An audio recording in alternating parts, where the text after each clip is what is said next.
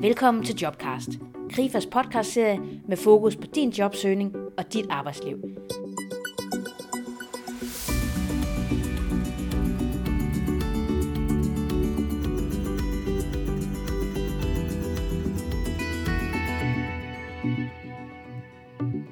Jeg hedder Bessie Rauf og udviklingskonsulent i Krifa. I denne podcast skal det handle om den svære kunst at gå til jobsamtale. For de fleste af os er en samtale en uvant situation, som godt kan give svedige håndflader og gøre de fleste nervøse.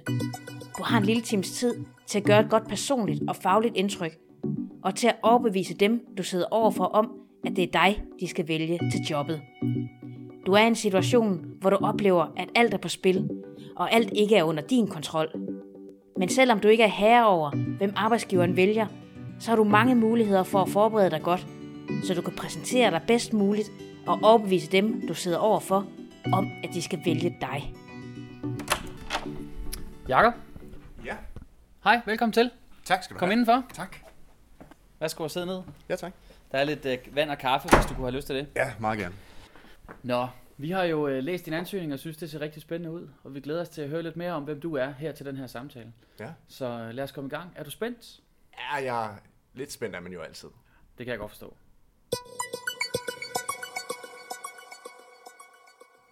Jeg har talt med William Enevold Emsen, der er kontaktcenterchef og en af Krifas eksperter i jobsamtaler.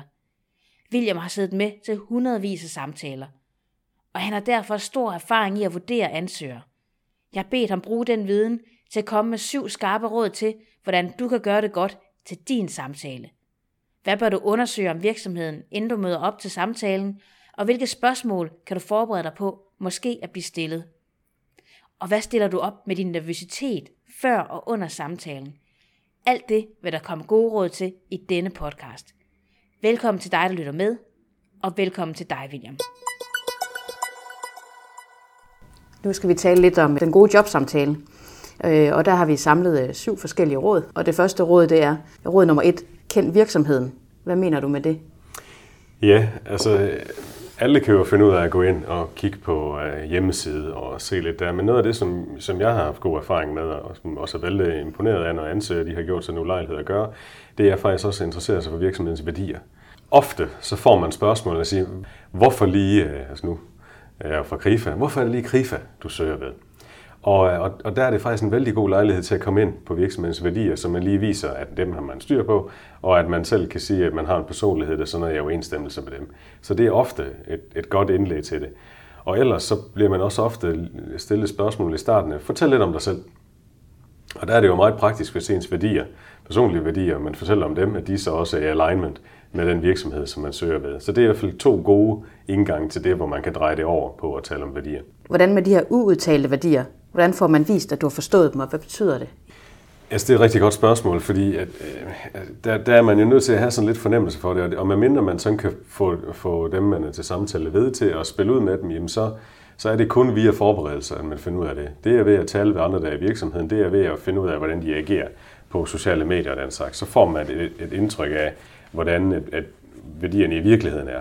Altså, hvis jeg skulle give et populært eksempel, så kan man sige, hvis man søger i, i Danske Bank, Jamen, så, så er det fint nok, at at Danske Bank gerne vil øh, promovere sig selv som øh, en, øh, en, en støtte i samfundet, som vi hviler på. Banker er sat i verden for at tjene penge. Så det er nok en grundlæggende værdi, uanset om man nogle gange vil ud af det eller ej. Og, og på samme måde er der med andre virksomheder. Der, der er stor forskel på, hvor de lægger deres idé hen i forhold til, at sige, er det et højere formål, eller handler det i, i virkeligheden om bundlinje. Hvis det i virkeligheden handler om bundlinje, så kommer man ikke til at arbejde for en virksomhed, medmindre man er bevidst omkring det. Det næste råd, råd nummer to, det er at være troværdig. Hvordan fremstår man troværdigt til en jobsamtale? En af de allermest væsentlige ting, det er at være, det er at være brændt igennem, simpelthen. Altså, man er nødt til at vise, at man er det, og man er nødt til at være passioneret omkring det. Og det er jo nemt at, at sidde og sige, hvordan gør man det så i virkeligheden? Jamen, det handler om, at de her forbehold, som man har, øh, måske i forhold til transport, eller øh, kan man klare jobbet det hele taget, er man den fuldstændig rigtige profil, eller sådan nogle ting, eller har man nogle issues i forhold til virksomhedens værdi, eller den slags, jamen, øh, man er nødt til at være ærlig omkring dem, men samtidig vise til, at man vil det her. Øh, så kan det godt ske, at man ikke er sådan den person, der øh, er, der er type, som virkelig er i stand til at brænde igennem og være meget passioneret omkring tingene. Men så er der ikke andet at sige, end at man er nødt til at øve sig. Altså der skal man i den halve til hele time, som sådan en samtale den nogle gange som regel varer, jamen så er man nødt til at være på og, øh, og vise et engagement. Og det kan man også godt gøre på en stilfærdig person. Man er nødt til at gå ud fra, at dem man sidder overfor er mindst lige så intelligente som en selv.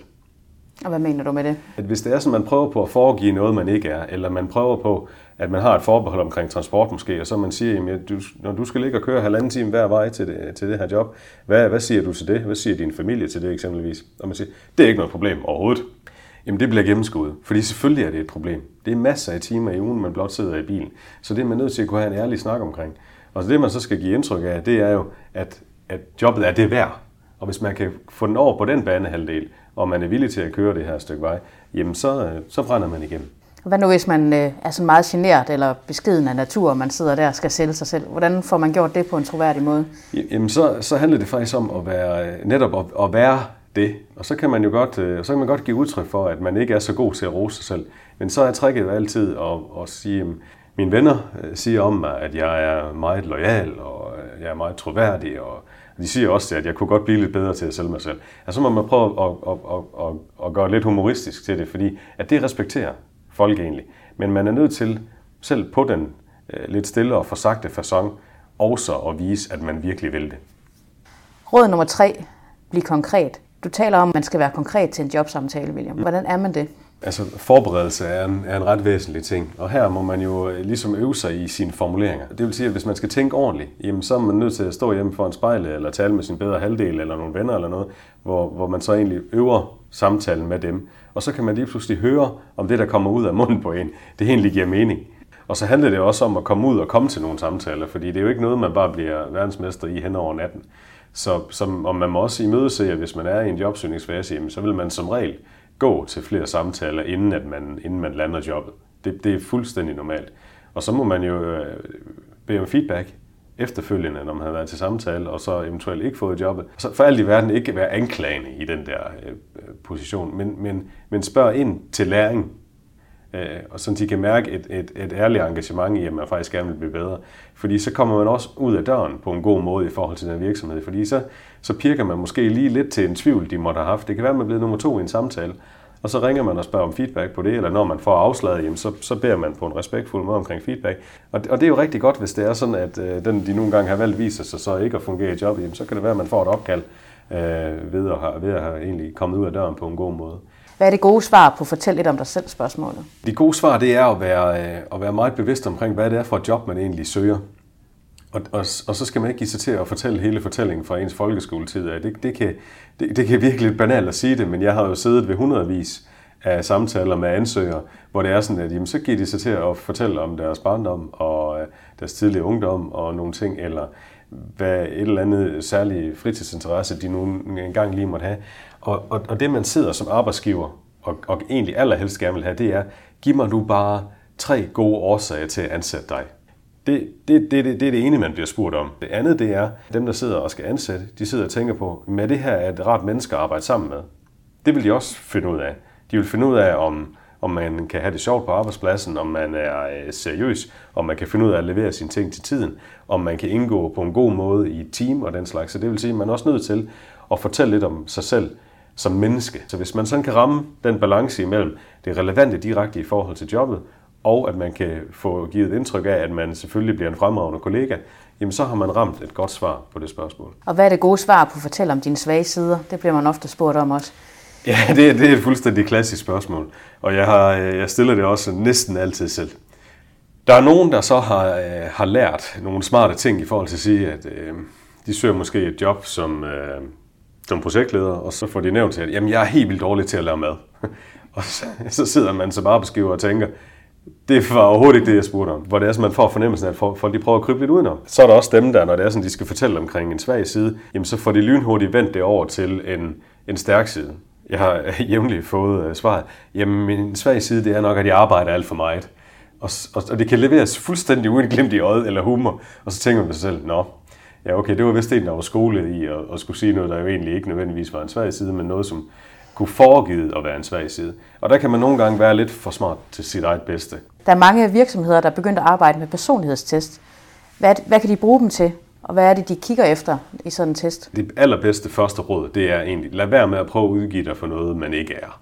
Man er nødt til at svare meget ærligt og meget intuitivt på de her tests, for de giver det bedste billede. Og det, hvad virksomhederne de så bruger det til, det er at få et blik ind i ens øh, stærke og svage sider.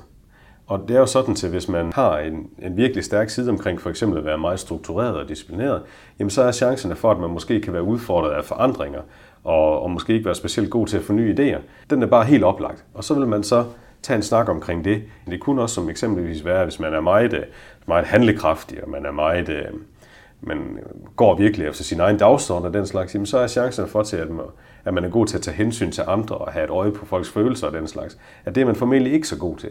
Og det man som virksomhed så gerne vil høre, det er, om folk de har styr på det, om de kender sig selv, om de ved, hvad for en effekt de har på deres omgivelser, og de ved, hvor de er naturligt er stærke hen, og om de også godt kan hoppe ud af det.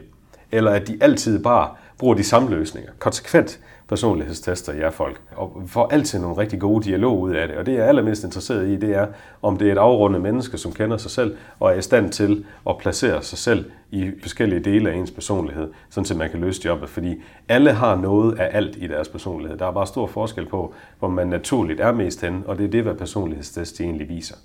Og det er rigtig godt at øve sig på at, øh, at, at tage en personlighedstest og læse det igennem, og så vide til, at jamen, har man en kæmpe fordel på et eller andet område, jamen, så har man helt sikkert også en skyggeside i forhold til det. Og det er den, man skal kunne tale ind i. Øh, fordi det er den, virksomheden kan ske at være nervøs for. Det var de første tre råd. De lød. Kend virksomheden, vær troværdig og bliv konkret. Når du kommer til din samtale, så har du læst op på virksomheden og føler dig forhåbentlig godt forberedt. Når du træder indenfor hos virksomheden, så skal du fremstå som en seriøs udgave af dig selv. Vælg tøj og fremtoning, som passer til det job, du søger. Tag noget tøj på, som du føler dig godt tilpas i, og som ikke forstyrrer deltagerne. Et godt tøjvalg er ofte noget, som ingen rigtig kan huske efter samtalen. Så må du vente med at sprælle med din tøjstil, til du lander jobbet og har luret den daglige tøjstil i virksomheden. Vær opmærksom på din fremtoning og opførsel, allerede fra du svinger ind på parkeringspladsen. Mange medarbejdere vil være nysgerrige efter, hvem det er, der kommer til samtalen. Så hils og vær opmærksom på dem, du møder, og overvej, hvad du fordriver tiden med, mens du venter på at blive kaldt ind. Sid og se klar og imødekommende ud. Og dig eventuelt i noget af firmaets materiale, hvis der ligger noget, der hvor du sidder og venter. Lad være med at sidde med næsen dybt i telefonen. Når du er kommet ind til samtalen, kan det være godt at have overvejet, hvordan du svarer på de spørgsmål, du bliver stillet. Så er du sikker på, at du dropper flosklerne og bliver helt konkret i forhold til, hvordan du løser opgaver. Eksempelvis fortæller det ikke meget om dine evner som medarbejder, at du siger, at du er effektiv og innovativ. I stedet skal du komme med eksempler. Det kunne være, jeg har udviklet en mødeskabelon for hele min afdeling. Det betyder, at vi holder færre og kortere møder, men samtidig har et større udbytte af møderne. Tænk over to-tre konkrete eksempler på, hvordan du arbejder, og hvilke resultater det giver, så du har dem klar til samtalen. Råd nummer 4, det er at forberede relevante spørgsmål. I slutningen af en samtale bliver man tit spurgt, om der er noget, man vil spørge om. Og hvad er, det så, man, hvad er så det gode spørgsmål der? Det kan ske, at man simpelthen ikke har noget at spørge om. Og så, øh, og så siger man egentlig det, og så kvitterer man egentlig for at sige, at jeg har faktisk ikke noget at spørge om, Øh, og jeg synes, I har været rigtig gode til at fortælle omkring, øh, fortælle omkring virksomheden, og så, så, jeg, så jeg tænker egentlig, at, at, at, at der er faktisk ikke meget mere. Men jeg vil så dog sige, at der er et godt spørgsmål, som man altid kan stille til sidst i samtalen. Og det er, er der noget, som I er i tvivl om i forhold til mig, som jeg ikke har fået svaret ordentligt på? Øh, fordi så vil jeg gerne have lejlighed til at, at gøre det her til sidst. Og det er jo et forholdsvis offensivt spørgsmål at stille i slutningen af samtalen, men det viser, at man, at man egentlig er omhyggelig, og at man, at man tænker, at de skal i hvert fald ikke sidde og være efterladt med en tvivl omkring noget, som man måske ikke lige fik svaret ordentligt på, eller de måske også var lidt utilfredse med den måde, de fik stillet spørgsmålet på. Og det giver lige lejlighed til at lave sådan en afrunding til sidst. Og, og det har jeg indtryk af, at det virker ret godt. Øh, der er nogle øh, arbejdsgiver, de kan godt blive lidt provokeret af det spørgsmål, fordi at, jamen, så er de jo nødt til at afsløre lidt sig selv, hvad de egentlig sådan har tvivl om. Men, men det skader aldrig nogensinde, at man så får lejlighed til at tale ind i den tvivl. Så det er et rigtig, rigtig godt spørgsmål at stille der til sidst. Er der noget, som, som, øh, som jeg ikke har fået svaret ordentligt på, eller som I er i tvivl omkring, som jeg lige kan adressere her til sidst. Er der sådan nogle, øh, nogle klassiske ting, man sådan kan spørge om, hvis man gerne lige vil have sådan et par i spørgsmål med i skuffen? Der kan være noget omkring hjemmearbejdsdage. Der kan være noget omkring løn, man sådan praktisk gerne vil øh, finde ud af. Der kan være noget omkring, hvad er det for, hvad er det for et team, jeg sådan skal arbejde ind i. Hvis samtalen ikke har været inde på det indtil videre, jamen, så kan man sige, hvad, hvor hurtigt forventer I egentlig, at man er op og leverer i det her job? Øh, det viser en, en, et resultatfokus, at man vil gerne vil levere. Man kan også gerne vide, hvor lang tid man har til at blive god til noget. Så kan det være noget omkring, hvad for et team man kommer ind i. Hvad er det for nogle kollegaer? Der kan, man kan spørge til, jamen, hvor meget socialt har man sammen uden for arbejdspladsen, hvis, hvis det er væsentligt for en. Så, så det var i hvert fald sådan lige nogle spørgsmål, som man kunne tage med øh, som noget, som man i hvert fald ikke ville komme galt afsted med. Råd nummer 5, det er at have styr på formalia. Hvad skal man som minimum medbringe til en jobsamtale? Jeg synes, at man bør medbringe øh, sin ansøgning og, øh, og sit CV, og så eventuelt øh, forberedte spørgsmål. Men mindre at man er i stand til at have det hele i hovedet, så kan det også være okay at have. Men øh, det vil også være en god idé at have øh, telefonnumre med på øh, referencer, øh, sådan til at man gør det så nemt for dem, der nogle gange skal tage referencer som muligt. Øh, og jeg synes i øvrigt også, det er en god ting bare at have det med i, i det, man er i, i forvejen har sendt dem via sin ansøgning, men ellers så skal man have, skal man have referencerne klar, som, som der kan ringes til. Og hvad er en god reference? Det allerbedste, det er jo en leder på ens seneste arbejde. Øh, Men det kan jo være problematisk i forhold til, at man, man måske stadigvæk er der. Hvis det er at man gerne vil have en reference fra en seneste arbejde, og, og man ikke lige vil oplyse sin leder om, øh, at man er altså på vej væk, jamen øh, så en god nær kollega eller en leder i en anden afdeling, som man har en fortrolighed med. Øh, Og det skal være en, som kan give et klart billede af, hvordan man er som medarbejder. Det må også meget gerne være en, som egentlig også godt kan lide en. Man skal ikke vælge en reference, som man ved, at vedkommende vil have svært ved at stå på mål for en. Og det er tilladt med referencer at vælge dem, som gerne vil give et godt billede af en selv. Men det skal også være ærligt og redeligt. Ofte så vil det også være fint at gå lidt tilbage i tid, og det er så at tage en leder for et arbejde, man har haft for to gange siden eller tre gange siden, og så, og så sørge for at have en klar aftale med dem om, at de kan blive ringet op. Der er ikke noget værre, end når man ringer til en ringer reference på nogen, og så står de som et kæmpe stort spørgsmålstegn, og kan måske nærmest ikke engang huske den medarbejder, der nogle gange har skrevet, skrevet vedkommende på som reference. Det er ikke godt. Så en god reference, det er en, der har lavet en klar aftale med, øh, kan give, sige noget omkring en som medarbejder, og kan give et godt billede af, hvordan man kan blive som en fremtidig kollega. Hvor mange referencer skal man have med? Skal man have nogle forskellige typer med, eller er en nok? En rigtig god reference kan være nok, men jeg vil sige, at, øh, at jeg opfatter det som mest seriøst, hvis man har tre forskellige referencer, der kan ringes på. Så tre, det er et godt tal i forhold til referencer. Og skal de kunne noget forskelligt så? Ikke nødvendigvis, men man kan jo godt være lidt taktisk, i, og så endda skrive det ud i sin ansøgning, at øh, jamen, øh, vedkommende kan fortælle noget omkring det her, og det her, og det her. Og det kan jo godt være en leder, en kollega og en samarbejdspartner, som man så, som man så skriver på, for, for at give et, et godt, velrundet billede af en selv. Så når man er sådan omkring formalia, så bliver man også tit spurgt til lønspørgsmål. Hvordan, øh, hvordan forholder man sig til at blive spurgt ind til løn til en jobsamtale? Jamen det er jo et rigtig ømtåligt emne det her. Hvis virksomheden sådan er ordentlig, så spiller de selv ud med, hvad de sådan havde forventet. Hvis det er nogen, som, øh, som godt vil trykke lidt på lønnen, jamen så, så vil de som regel øh, spørge, jamen, hvad forventer du så at få i løn? Så kan man godt spille tilbage og så sige, jamen jeg, jeg synes egentlig, at det er jer, der skal lægge ud. Fordi at det, det, er jo, det er jo jer, der har sådan en idé omkring, hvad folk ligger på i jeres virksomhed her. Det skader jo ikke at være forberedt i forhold til at vide, jamen, hvad får den her stillingskategori normalt inden for den her pågældende branche. Og der kan man jo kontakte sin øh, fagforening i forhold til det, for at få nogle, øh, noget vejledning. Og ellers så findes der ofte også nogle statistikker, sådan at man ikke, hvis man bliver aftvunget, at sige, vi vil gerne have, at du spiller ud. Jamen sådan til, at man så nogenlunde rammer det, hvad, hvad ikke, altså det ikke er fuldstændig urealistisk. Så jeg vil sige til, at det vil være en god idé at, at spille nogenlunde ud øh, inden for, hvad man, hvad man i hvert fald selv som minimum vil gå til. Og så gerne lægge lidt oven i det. Øh, for at, ligesom at repræsentere, jamen jeg har en værdi, og det ved jeg godt, jeg har.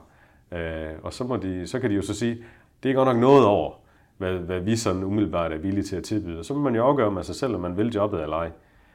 Løn er jo en sjov ting i forhold til det her med at have arbejdsløst. I Krifa, der ved vi, at, øh, at løn, jamen det betyder egentlig ikke det store i forhold til arbejdsløst, altså om vi har lyst til at stoppe om morgenen og gå på arbejde og virke.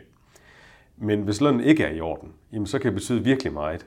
Og der må man jo også afgøre med sig selv, hvis jeg tager det her job til den her løn, vil jeg så hver eneste morgen, jeg skal stå op, tænke, at jeg får ikke betaling nok for det her. jamen så vil det påvirke en i det lange løb. Så det skal man jo også sætte et tal, man egentlig synes er rimeligt i forhold til det. Og, øh, og så egentlig hvile i, at jamen, så får man egentlig en rimelig løn. Og så er der nogle andre ting, der afgør, om man også får en god arbejdsløst i det job eller ej. Så det kan man jo også bruge som en rettesnor for, hvad man vil spille ud med i forhold til løn. Det var råd nummer 4. Forbered relevante spørgsmål. Og råd nummer 5. Ha' styr på formalia. En jobsamtale handler ikke kun om, at virksomheden skal finde ud af, om du er den rette kandidat til jobbet.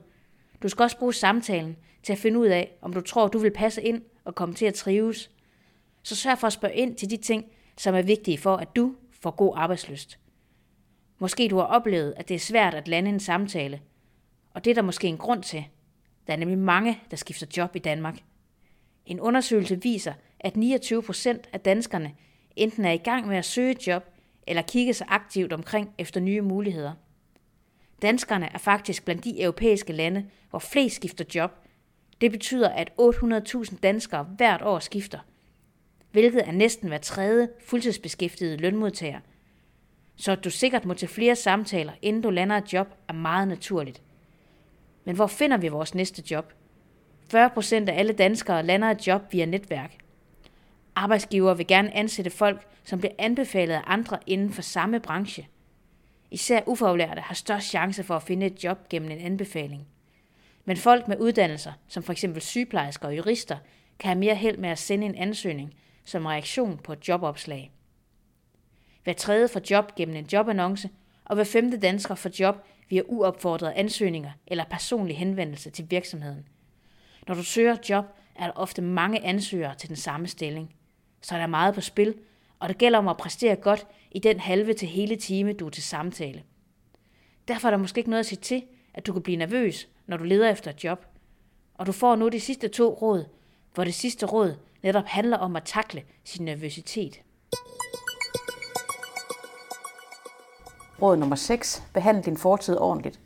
Hvis nu man synes, man har et rigtig møgjob lige nu, og man rigtig gerne vil have et nyt job, fordi man synes, chefen er helt håbløs, eller man ikke trives med sine kolleger, hvor meget skal man så fortælle til en jobsamtale? Mit gode råd i den her sammenhæng, det vil være at behandle det sted, man er respektfuldt, men også lade skinne igennem, at man måske ikke er enig i prioriteringer på den arbejdsplads, man er i. Og, og det kan være fuldstændig okay, at man er motiveret af at søge væk, fordi man ikke er tilfreds. Det er jo en af de årsager til, at langt de fleste de søger et nyt arbejde, det er, at man ikke har det godt der, hvor man er, eller man ikke får opfyldt sine ambitioner, eller, man er, eller der har været konflikter og den slags ting.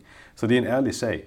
Det allervigtigste i det her er bare, at det ikke er det, der bliver ens afgørende motivation for det nye job det skal være det nye job, der er det, der er det allervigtigste. Og det indtryk er man nødt til at give, fordi ellers så sidder arbejdsgiveren og tænker, jamen vedkommende er jo kun interesseret i os, fordi at, at, at, at vedkommende hader det sted, hvor man nogle gange er lige nu. Og det er ikke et godt indtryk at give. Så, så en god måde at sige det på, det er for eksempel, at jamen, altså, der er nogle uoverensstemmelser mellem mig og min leder på det job, jeg er nu her. Og det, og det er blandt andet det, jeg, der gør, at jeg er motiveret til at søge et andet sted hen. Det er en rimelig respektfuld måde at sige det på. Det er i hvert fald mere respektfuldt, end, end at sige, at altså, min nuværende leder er en kæmpe idiot, og, og vedkommende er ved at køre firmaet i sænk, og derfor skal jeg bare væk. Det er ikke en god måde at sige det på. Øh, I det hele taget så er et godt råd bare at lade være med at tale dårligt om nogen, som ikke er til stede i lokalet. Øh, og så sørg for, at det er det job, man er til samtale på, der er den væsentligste motivationsfaktor. Det er ikke godt at give indtryk af, at man kun er motiveret for at slippe væk fra et sted. Hvad nu, hvis man har nogle huller i sit CV, hvis man har været syg, eller været ramt af stress, eller, eller ledig? Hvordan skal man, hvordan skal man omtale det? Altså, jeg har set ufattelig mange kreative måder, hvor det er sådan, at folk de prøver på at, egentlig at, øh, at skjule huller i et CV. Og det er aldrig nogensinde godt, fordi at, at, at når det er sådan, man egentlig gør det, jamen så, øh, så bliver dem, man søger ved, så bliver de lynhurtigt mistænksomme, og så vil de begynde at bore lidt i det. Det bedste det er egentlig at skrive tingene, som de nogle gange er. Hvis man har været stressramt, så er det heldigvis på vej til ikke at være så stort et tabu længere. Og nogle øh, virksomheder ved heldigvis godt, at det jo faktisk godt kan være en styrke fremadrettet. Fordi så har folk egentlig oplevet, hvad det vil sige at stå helt ude på kanten, og så passer de på sig selv i forhold til at komme derud igen. Og, og, og det vil sige, at man faktisk kan få en bedre medarbejder fremadrettet ved at få en, som har været den her livserfaring igennem. Hvis man øver sig i, hvordan man kan få det her fortalt på en god måde, jamen så kan man godt vende det til noget positivt. Ligesådan som med en, øh, en ledighedsperiode. Det er jo en ærlig sag. Det kan alle være blevet ramt af. Det sker jo ofte i forbindelse med, at man Øh, øh, øh, nyudlært eller, eller nyuddannet, at, at så tager det lige lidt tid at lande det første job. En anden ting, det er, at man kan jo have haft en ledighedsperiode, og så er man måske blevet øh, nummer to eller nummer tre i en 3-4 samtaler i streg, og det er jo bare uheldigt. Man var måske vældig kvalificeret til, der var bare lige en, der var bedre, eller, eller lige klarede sig bedre til samtale eller noget andet. Og, og det er jo også en, en ærlig sag, så det kan man også øh, fortælle omkring. Det er i hvert fald meget væsentligt ikke prøve på at fortige det, men, men tage tyren ved hornene i samtalen, og så få fortalt, om, få fortalt omkring det, og så styre sin fortælling i forhold til det. Fordi det respekterer folk. Det der med at prøve at fortige et eller andet, det bliver ikke respekteret. Råd nummer syv. Ja, nervøsiteten på flugt. Hvad skal man stille op med, at man er nervøs inden samtale? Det skal man faktisk bare være glad for. Det allervigtigste at sige, det er egentlig, at det er fuldstændig okay at være nervøs. Det er meget, meget normalt, og det er fordi, det betyder noget for en. Så det vil man faktisk også gøre, når det er sådan, at man kommer ind til en samtale og er nervøs, det er, at man giver faktisk dem, man skal til samtale ved, en lejlighed til at være gode værter. Fordi de vil jo gerne ligesom berolige en og tage hånd omkring en og sørge for, til, at man lige lander. Så, så ens nervøsitet kan faktisk give, give øh, dem, man skal til samtale ved, lejlighed til lige at vise sig fra deres bedste side af. Så, så er det jo faktisk en positiv ting. Hvis man nu først øh, skal til samtale lidt senere på dagen, jamen øh, så sørg for at fylde den ventetiden ud med noget, man godt kan lide at lave. Og det er en rigtig, rigtig god idé at lave noget fysisk. Løb en tur, gå en tur, hop på cyklen, fordi at så er kroppen ligesom aktiveret, og noget af det der nervøsitet, det, det får man simpelthen arbejdet væk i løbet, af, i løbet af en tid, inden man så skal til samtale. Eller planlægge noget op til. Det er ikke en god idé at ikke lave noget som helst andet, inden man skal til samtale klokken øh, over middag en dag. Det, så, så kan man godt bygge en vis ængstelse op i forhold til det. Og det er også farligt at ankomme alt for tidligt til det sted, man skal til samtale. Det er heller ikke en god idé. Så, så fyld det ud med nogle ting, som man holder af, og så være, være okay med, at, at det er forventes, at man er nervøs. Der er nogle mennesker, de øver sig så meget på ikke at være nervøs, at de fremstår fuldstændig unødvendigt selvsikre ind i en samtale. Og det vil faktisk pirke mere til min mistænksomhed, end det vil være, hvis folk de er nervøse. Det er den naturlige respons. Hvis man er fuldstændig selvsikker, og at man lader som om, at det ikke kan mærkes på en overhovedet, så vil jeg i hvert fald tænke, at det var da en besynderlig selvsikkerhed. Hvor kommer den fra? Er det fordi, øh, det er et menneske, der måske ikke kender sig selv super godt? og den slags ting. Og hvad skal man gøre sådan helt konkret, når man træder ind til samtalen, hvis man er meget nervøs? Ja, hvis man er virkelig nervøs, og, og man ved, at man, at man har den her udfordring, jamen, så er det faktisk øh, en god mulighed at simpelthen at nævne det øh, til at starte med. Øh, hvis man vil stemmen den diger, og man, med ens hænder ryster, og man så næsten slet ikke kan forholde på sig selv igen, jamen så tal ind i det. Øh, og så sig, ej, I, I må godt nok undskylde, men, men, øh, men jeg er virkelig, virkelig nervøs. Og, og I skal bare vide, at, at det er fordi, jeg så gerne vil det her. Øh, og så giver, så giver man jo dem, man skal til samtale ved lejlighed til at få talt ind i det og sige, jamen ved du hvad, vi tager det bare helt stille og roligt, og nu skal du høre, hvad det er, sådan at der skal foregå, og det er helt naturligt at være nervøs, og det har vi set mange gange og så videre. Og så, og så, man, så er samtalen egentlig i gang. Altså, hvis det er sådan, der er en elefant i rummet, og det er ens nervøsitet, jamen så kan man lige så godt fortælle om den. Så det vil nok være mit råd der. Det var de sidste to råd for William. Råd nummer 6, som lød, behandle din fortid ordentligt, og råd nummer 7, ja i nervøsiteten på flugt. Når du sidder til samtalen, skal du være den bedste udgave af dig selv. Det er som en første date, og hvis du allerede til den indledende samtale og kontakt bruger tiden på brok og på at være sortseer, så vil modparten nok hurtigt tænke, at du bliver helt udholdelig om få måneder. Så vær nysgerrig og imødekommende og fokuser på positive erfaringer og eksempler under samtalen. De fleste vil være nervøse på første date, og sandsynligvis også til samtalen. Begge steder bliver man bedømt og vurderet af andre, hvis mening betyder noget for en. Forbered dig godt til samtalen, og øv dig på din præsentation af dig selv. Nervøsitet er godt og forventeligt og holder dig på tæerne. Og når du først er kommet ind til samtalen, vil din nervøsitet sandsynligvis også fortage sig. Du har nu hørt Williams syv råd til jobsamtalen. De syv råd er Nummer 1. Kend virksomheden. Nummer 2. Vær troværdig. Nummer 3. Bliv konkret. Nummer 4. Forbered relevante spørgsmål. Nummer 5. Ha' styr på formalia. Nummer 6. Behandle din fortid ordentligt. Og nummer 7. Ja i nervøsiteten på flugt. Husk, at du i KRIFA kan få rådgivning i forhold til dit lønniveau, og du kan få jobsamtaletræning og sparring på din kommende samtale. Tjek også arrangementskalenderen for kurser, workshops og webinarer, der handler om dit arbejdsliv og din karriere. Du kan også lytte med på de andre episoder af denne Jobcast-serie, hvor vi giver dig konkrete værktøjer og hjælp med fokus på dit arbejdsliv. Hvis du har spørgsmål eller kommentarer, er du meget velkommen til at kontakte os på podcast Tak fordi du lyttede med, og held og lykke med samtalen.